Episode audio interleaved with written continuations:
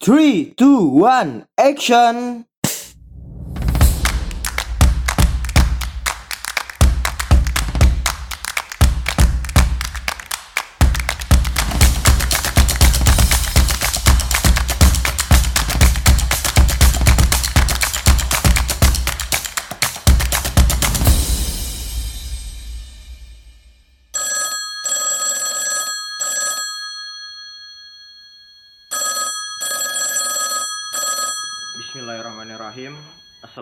Assalamualaikum warahmatullahi wabarakatuh.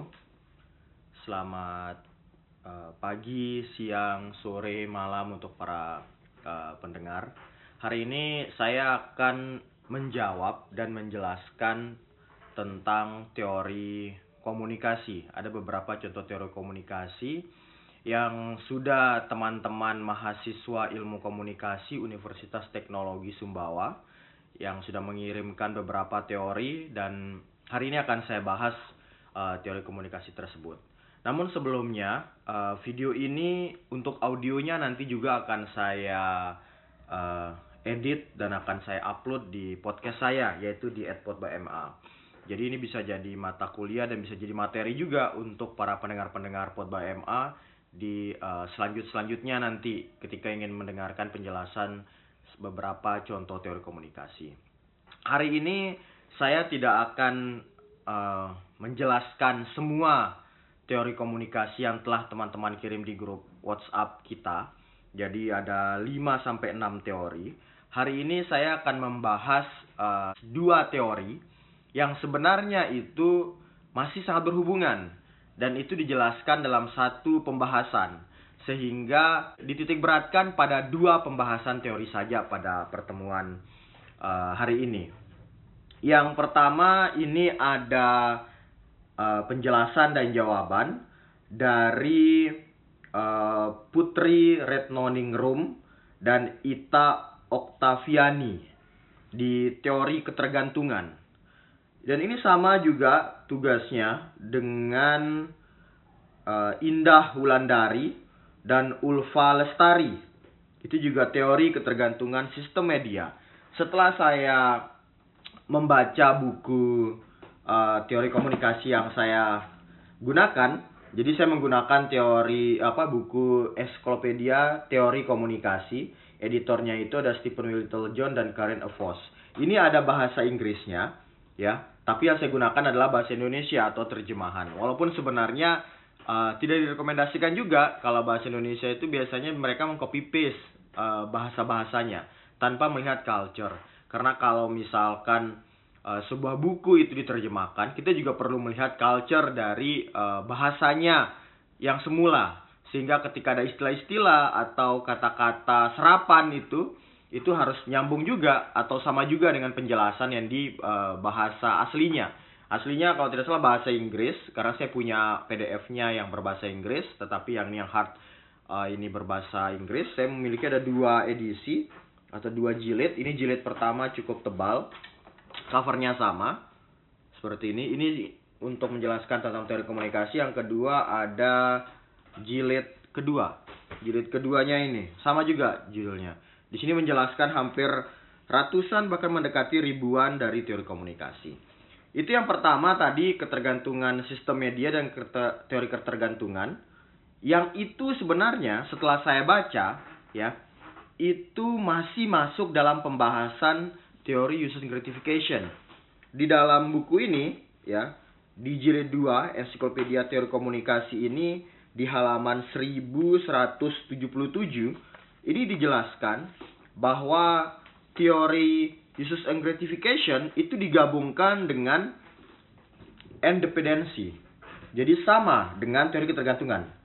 Jadi uh, kalau yang using gratification ini dijelaskan oleh Rizky Aji Setiawan, teori uses and gratification, pemakaian dan kepuasan. Nah, langsung saja saya jelaskan uh, pada pertemuan kali ini. Ini yang pertama adalah uses and gratification and dependency. Jadi itu digabungkan dalam pembahasan buku ini. Uh, sebelum saya menjelaskan lebih jauh, seperti teman-teman ketahui, saya perlu mereview di awal dulu bahwa yang disebut dengan teori itu sesuai dengan zamannya atau periodenya. Jadi teman-teman di Pot BMA juga sudah mendengarkan kronologi-kronologi yang saya jelaskan di kronologi itu untuk saat ini dari periode klasik sampai tahun 2008. Jadi itu ada ratusan teori-teori bahkan mendekati ribuan orang-orang yang membuat sebuah teori berdasarkan periode waktu, berdasarkan zaman. Ketika zaman itu masih zamannya televisi, maka yang dikaji teori komunikasinya adalah televisi. Yang gak mungkin mengkaji internet, ya karena belum ada internet. Ketika sudah ada radio, maka radiolah yang dikaji. Ketika itu ada internet seperti media baru saat ini atau disebut uh, media baru ya untuk internet, maka yang dikaji adalah internet. Sehingga kita nggak bisa bilang teori yang televisi zaman dulu itu salah dibandingkan sekarang. Nah, maka ada perkembangan-perkembangan teori itu berdasarkan zaman, berdasarkan konteks waktu, berdasarkan konteks ruang, beda tempat, beda waktu, itu pun berganti semuanya teori-teori tersebut. Jadi kita nggak bicara benar salah, tapi dia membicarakan tentang konteks waktu saat itu. Nah, uh, kenapa pada akhirnya ini bisa bicara terkait periode waktu?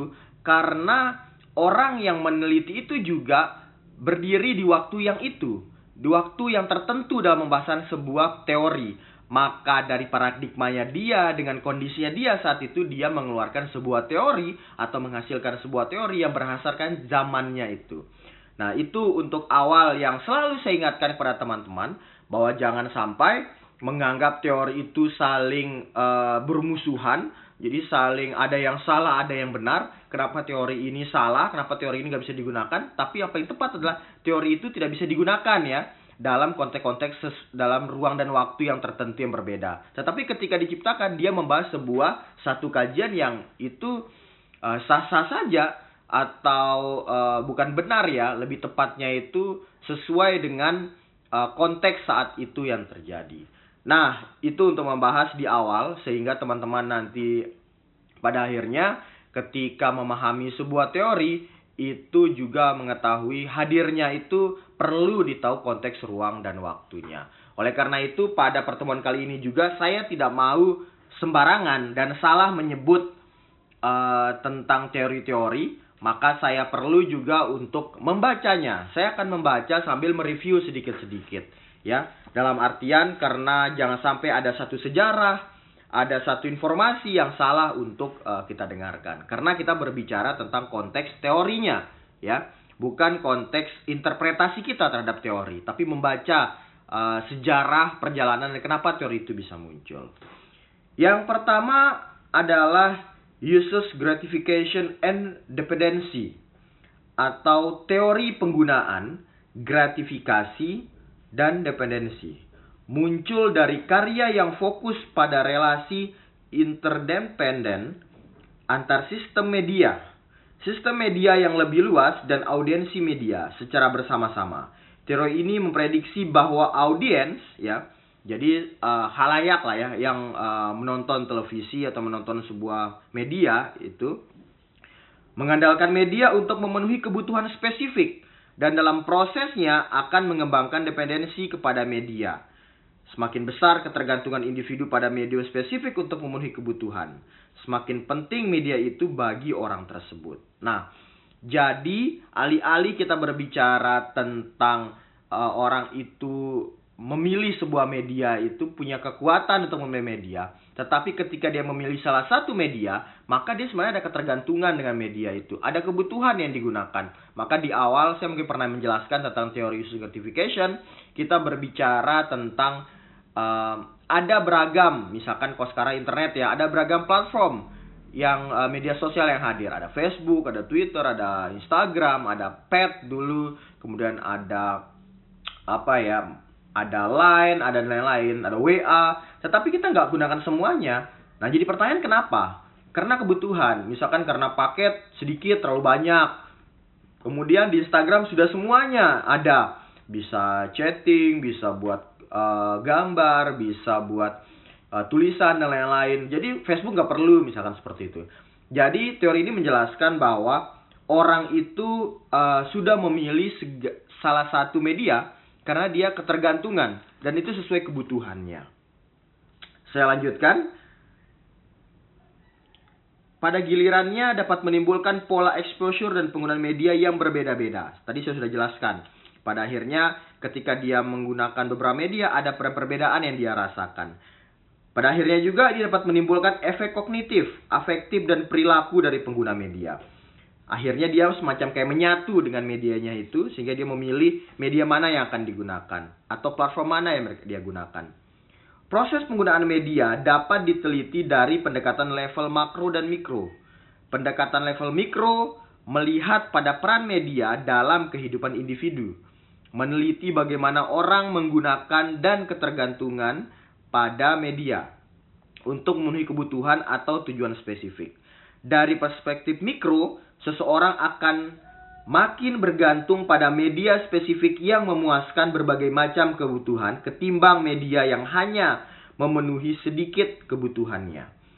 Peningkatan dependensi ini pada gilirannya meningkatkan pengaruh media pada kehidupan kita. Misalnya, individu yang melek media dan teknologi tahu bahwa dia dapat mencari informasi dari koran, radio, internet, televisi, atau sumber lainnya. Akan tetapi, Orang yang mungkin kurang melek teknologi hanya melihat opsi pada televisi dan berita malam saja.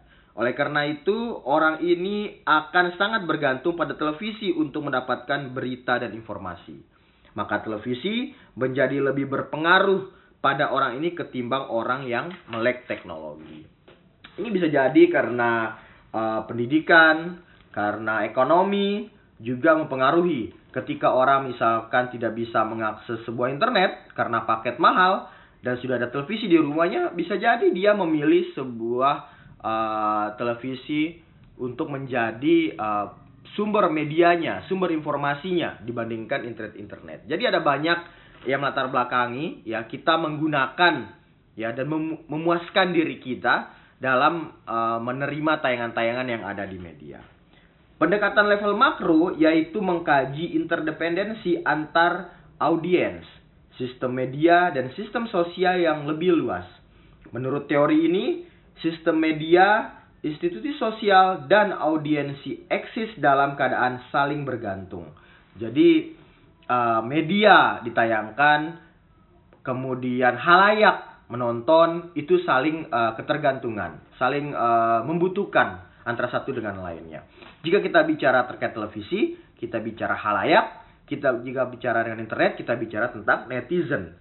Mereka adalah orang yang bisa dikategorikan sebagai konsumen yang aktif atau mereka sering mendapatkan sebuah informasi dari media tersebut. Jadi kalau kita bicara penonton saja, bisa jadi itu hanya menonton saja. Mereka belum tentu bisa menilai tayangan itu. Tapi kalau kita sudah bicara halayak, ya maka dia itu terutama halayak media atau halayak televisi misalnya itu mereka sudah bisa menjadi sebuah penilai. Uh, apa batasannya? Yaitu adalah terkait waktu mereka itu menyaksikan televisi atau media tersebut. Masing-masing punya tujuan yang harus dipenuhi dan punya sumber daya yang ditawarkan untuk pihak lain. Misalnya, sistem media mengendalikan sistem sosial yang lebih besar untuk struktur dan legitimasi dan pada audiens agar mereka dapat memperoleh penerimaan dari iklan. Ini untuk kebutuhan dari medianya. Pada gilirannya, media menawarkan penyebaran informasi untuk sistem sosial dan hiburan dan informasi bagi audiens massa. Jadi, hiburan yang didapatkan oleh massa. Ini menggarisbawahi kekuatan dan efek media pada kehidupan kita sehari-hari. Akan tetapi, efek ini terjadi bukan karena media sangat kuasa, namun karena media beroperasi dalam relasi memberi menerima dengan sistem sosial dan audiens media. Berbeda dengan teori peluru. Kalau berbicara dengan teori peluru, ya, maka kita berbicara orang menjadi pasif atau halayak itu pasif ketika mereka menyaksikan sebuah tayangan televisi misalnya. Tetapi di sini kita tidak bisa mengatakan bahwa halayak ini ya atau penonton televisi ini adalah pasif ketika bicara masalah using gratification. Tetapi mereka itu menyaksikan sebuah televisi, menyaksikan sebuah tayangan, sebuah media, bukan karena mereka terpengaruh, tapi karena untuk memenuhi kebutuhannya, kebutuhan hiburannya. Jadi dibedakan seperti itu. Jadi teori ini berbicara masalah orang itu tidak pasif atau menjadi korban, bukan seperti itu. Tapi mereka lebih semacam kayak memenuhi kebutuhan uh, kepuasannya, kebahagiaannya. Maka disebut dengan user gratification di situ. Eh, jadi uh, saling menguntungkan di dua sisi ya. Berbeda kalau misalkan kita bicara teori peluru, teori jarum suntik, itu semacam kayak kekuatan media itu lebih besar dibandingkan audiens sehingga uh, audiens bisa dijadikan korban. Sedangkan televisinya itu adalah subjek yang bisa menyampaikan sebuah informasi dengan bebas dan kuat.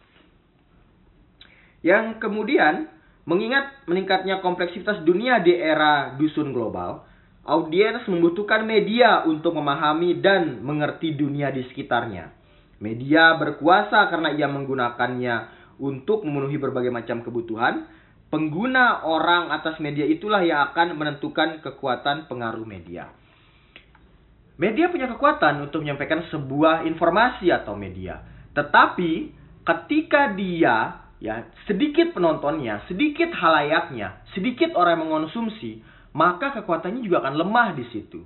Di sini telah teori ini berbicara. Hati-hati dalam sebuah teori itu ada keyword-keyword yang harus dipegang. Ya, jangan kita bicara secara umum, tapi kita bicara masalah keyword-keyword yang dia itu khusus.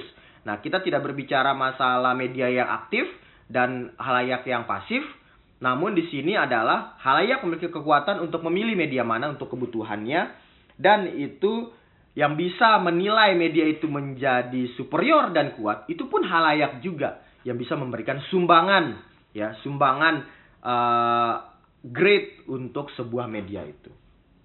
Kemudian di subbab penggunaan dan gratifikasi. Teori penggunaan dan gratifikasi yang disusun oleh Eli Zuckerts, J. Bloomer, dan Michael Guforitz pada tahun 1970-an mengalihkan perhatian dari efek sumber dan pesan media ke penggunaan konten media oleh audiens. Berdasarkan ide ini, Philip Palmgren menggunakan karya Carl Rosinger dan yang lainnya untuk menjelaskan apa yang terjadi dalam proses ini. Dia meminjam teori ekspektansi nilai keyakinan dan sikap Martin Fishbein sebagai basis untuk penjelasannya. Yang pertama kali dia publikasikan pada tahun 1984.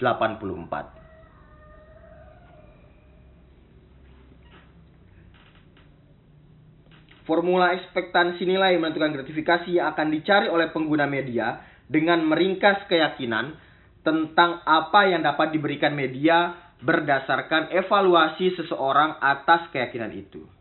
Jika misalnya penggunaan percaya bahwa majalah tentang mobil memuat banyak foto mobil atau keyakinannya ya dan foto bagus yang sedap dilihat, dievaluasi bahwa majalah itu memberikan informasi yang berguna tentang tip membeli yang bagus. Atau ada keyakinan di situ. Dan tahu apa mobil yang sedang laris atau dia itu dievaluasi. Dan bahwa majalah ini menyediakan iklan under deal. Dia yakin juga yang dibutuhkan untuk perbaikan mobil. Dan itu evaluasi Pengguna ini mungkin akan mencari pemuasan kebutuhan dan tujuan yang berkaitan dengan mobil dengan membeli dan membaca majalah ini. Jadi dia membeli sebuah majalah bukan karena dia itu menjadi korban atau dia pasif, tapi memang dia lagi membutuhkan sebuah informasi tentang owner deal, tentang sebuah mobil yang dihadirkan oleh media itu. Jadi saling uh, membutuhkan di situ. Namun Palmgren mengidentifikasi variabel lain yang masuk dalam perilaku konsumsi media oleh seseorang. Dalam bentuknya yang paling kompleks, teori ini memprediksikan bahwa gratifikasi konsumsi media dipengaruhi oleh kultur, institusi sosial, peluang media, situasi, sifat personal, kebutuhan, keyakinan, dan nilai. Pada gilirannya, Keyakinan seseorang tentang apa yang dapat diberikan media akan dipengaruhi oleh gratifikasi yang dirasakan orang yang memanfaatkan media itu. Selanjutnya, kita menjelaskan tentang teori dependensi yang juga bagian dalam teori gratification tersebut. Teori penggunaan dan gratifikasi memberi efek terbatas pada media, menunjukkan bahwa individu punya banyak kendali atas apa yang mereka konsumsi. Akan tetapi, dalam proses penggunaan media, konsumen mungkin mengembangkan dependensi tertentu yang memungkinkan media memiliki kebutuhan lebih besar. ketimbang yang dibayangkan teori pengguna dan gratifikasi. Dependensi semacam itu menimbulkan akibat kognitif, afektif, dan behavior. Sandra Ball, Rukic, dan Malvin De Floer pada awalnya mengakui ini pada tahun 1970-an. Pada saat yang hampir sama dengan munculnya teori penggunaan dan gratifikasi. Dengan mengambil pandangan sistem yang lebih luas, Bal Rukic dan De Floer menunjukkan bahwa audiensi media dan sistem sosial bekerja sama, ya, ada banyak hal yang dapat meningkatkan atau mengurangi dependensi pada medium tertentu, seperti kebutuhan dan motif individu, kondisi sosial di luar kontrol individu, dan atribut kehidupan. Jadi jika kita bicara terkait dependensi ya, berarti teman-teman sudah uh, apa ya dengan mudahnya mengartikan bahwa itu artinya adalah uh, ketergantungan. Jadi ketika kita bicara membutuhkan segala sesuatu, kemudian kita memilih untuk memuaskan diri kita, maka ada ketergantungan di situ. Dan itu kita bicara masalah teori dependensi. Kata lain dari dependensi itu ketergantungan, ya. ya saya lanjutkan. Misalnya individu yang berkebutuhan tinggi untuk berorientasi ke apa yang terjadi akan cenderung lebih banyak melihat televisi dan mencari lebih banyak media. Oleh karenanya, akan ada ketergantungan lebih besar pada televisi bagi orang ini dibandingkan dengan kebutuhan orientasi rendah. Selain itu, penggunaan media akan lebih besar pada masa ketidakstabilan sosial. Ini dapat menciptakan dependensi yang lebih besar di ketergantungan lebih besar, khususnya bagi mereka yang melihat televisi sebagai satu-satunya outlet berita. Dan terakhir, situasi ini di dalam kehidupan individu seperti kesehatan, mobilitas, kepuasan hidup, pendapatan, kesendirian, dan pendidikan dapat menimbulkan pola penggunaan media yang berbeda dan tingkat dependensi yang berbeda. Alternatif fungsional juga penting dalam teori dependensi. Alternatif fungsional adalah medium yang secara esensial dapat bertindak sebagai alternatif bagi bentuk media lain. Misalnya, jika individu ingin mencari tahu apa film yang tayang di bioskop lokal, dia mungkin akan mencarinya di koran. Tetapi dia bisa mencari informasi di internet atau langsung menelpon bioskopnya. Tergantung akses kita bagaimana, kemampuan kita untuk mengonsumsi itu bagaimana. Tentunya dengan gadgetnya juga itu diperlukan juga. Jumlah alternatif fungsional yang dimiliki individu akan menurunkan dependensi pada medium tertentu. Individu menjadi lebih tergantung pada media yang ada jika akses ke media alternatif itu terbatas. Orang yang terdidik dan memiliki komputer dan akses internet akan memiliki beragam alternatif fungsional selain televisi untuk mendapatkan berita dan hiburan. Akan tetapi orang yang buta huruf tanpa akses internet mungkin hanya menggunakan televisi untuk memenuhi kebutuhannya. Ini akan menyebabkan ketergantungan lebih besar pada medium itu. Periset efek media tertarik pada teori dependensi atau ketergantungan. Karena dependensi menimbulkan pola exposure yang berbeda-beda Individu yang mencari berita dari berbagai media kemungkinan akan memiliki lebih banyak informasi, pengetahuan, dan pemahaman lebih mendalam tentang peristiwa dunia ketimbang orang yang hanya mengandalkan berita televisi untuk mendapatkan informasi. Selain itu, orang yang sangat tergantung pada televisi untuk mendapatkan hiburan akan lebih sering menonton televisi dibandingkan orang yang memiliki banyak alternatif fungsional. Mereka dengan tergantungan lebih besar akan menunjukkan efek yang lebih merugikan yang diasosiasikan dengan meningkatnya exposure ke televisi pada umumnya. Contoh misalkan orang tua kita sekarang yang mulai transisi dari televisi ke internet ya. Yang dulunya mungkin banyak mengonsumsi televisi, banyak nonton televisi, sekarang mungkin kalau kelewatan sinetronnya, mereka akan menggunakan YouTube untuk menonton uh, sebuah televisi. Jadi di sini kita tidak berbicara masalah media itu kuat atau kita berbicara masalah audiensnya juga kuat. Tidak, tetapi itu saling bertergantungan. Jadi media itu menyampaikan sebuah informasi, masyarakat mengevaluasi, dia yang menyaksikan sehingga ada grade atau rating yang didapatkan oleh televisi itu sendiri. Nah, begitu juga dengan kita yang kita dapatkan adalah dependensi atau ketergantungan yang didapatkan dari sebuah media. Jadi itu penjelasan tentang teori uses and gratification. Ada tambahannya tadi dependensi yang dijelaskan di buku Ensiklopedia Teori Komunikasi yang diedit oleh Stephen W. Littlejohn dan Karen Voss. Ini di jilid 2 ya. Kalau di jilid 1 ada lagi pembahasan tentang teori-teori yang lain.